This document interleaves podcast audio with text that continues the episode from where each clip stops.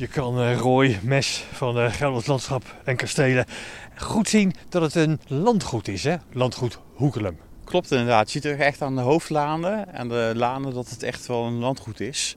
Dat, uh, dat echt landgoed kenmerkt zich ook door, uh, door lanen. Ja. En ik zag zelfs een, uh, een wildwal. Klopt inderdaad. over Hoekelum ligt een deel van de langste wildwal van Nederland eigenlijk. Die loopt van Wageningen tot Melunteren, 22 kilometer lang. En dat is eigenlijk vroeger bedoeld om uh, het wild weg te houden van de akkers die erachter lagen. Om die dat te beschermen. Dus ze maakten een aardewal over een aantal kilometers. Daarachter lagen de akkers.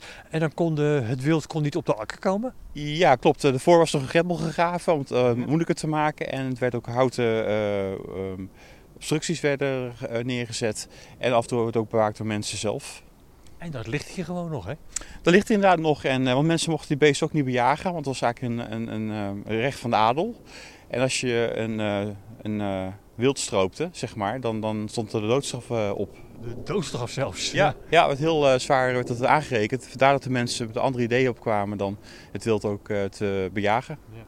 We zijn iets van het pad uh, afgelopen, want jij hebt hier iets moois als we het hebben over doodhout, hè? Ja, wat over liggend en staand doodhout. Nou, dit is een heel mooi voorbeeld van staand doodhout. Het is naar een grove den geweest. Hij ziet het, uh, hij staat er nog, maar je ziet heel mooi uh, die spechtengaten die daarin uh, zitten. Eigenlijk een soort uh, spechtenflat noemen we het wel gekscherend. En ook heel mooi zie je waar die torretjes hebben, gangjes hebben gegraven. Oh, ja, allemaal gaatjes ja, ja, ja, dus dat is ja, echt een spechtenflat. Dit is, wat voor boom is dit geweest, zei Een den, hè? Een grove den is het geweest. Een, een grove den. Hij is nu nog een metertje of zes hoog, denk ik. Ja, en een wonder dat hij er nog staat. Hè. Je zou denken, bij de eerste wind uh, gaat hij uh, tegen de vlakte. Maar hij staat er nog naast een gezonde beuk. Ja. Kan jij nou inschatten hoe lang deze boom dood is? Nou, deze is al zeker wel bijna 8, 10 jaar dood. Ja. ja. Hij is echt goed dood. Hè? Hij ja. heeft helemaal geen takjes meer. Een paar restanten hangen er nog aan. Maar het is voornamelijk de stam die nog overeind staat. Exact. Ja, ja dat is, je ziet wel hier en daar wat hout ook op de grond liggen. Uiteindelijk zal dat ook het beeld zijn. Maar vooralsnog blijft hij staan en het is een, ja, wordt gebruikt door allerlei dieren en insecten en ja. planten en mossen. Ik ga even naar de boom toe. We staan nu op een paar meter afstand. Maar ik wil het toch eens wat nauwkeuriger bekijken. Als ik op uh, die dode bomen klop rooi, dan uh, geeft het een heel. Ja. ja, je voelt al hoe zacht die is. En ook ja. het geluid is, klinkt vrij hol. En als we dan naar een gezonde boom gaan. Dus ja, die beuk, hier staat een mooie gezonde beuk. Nou, dan zie je dat echt dat het heel ander geluid herbergt. Het is een heel ander geluid. Veel harder, ja. veel harder ook. En klinkt minder hol, gelukkig. Het zou niet goed zijn als het een gezonde boom is. Maar dan kun je mooi zien uh, hoe, ja, hoe hol het is eigenlijk, zeg maar. Dat echt dat de kern helemaal bijna weg is. En dat geeft allemaal ruimte voor allerlei beestjes die zich daar een weg in kunnen vreten. Een veilig holletje kunnen vinden. Ja, dat klopt inderdaad. Want hier een gezonde boom is onmogelijk bijna voor een houtkever om daarin te gaan. Het is veel te hard. En ook voor specht om hier een gat in te maken. Het moet echt een beetje morm, uh, zacht hout zijn. Ja.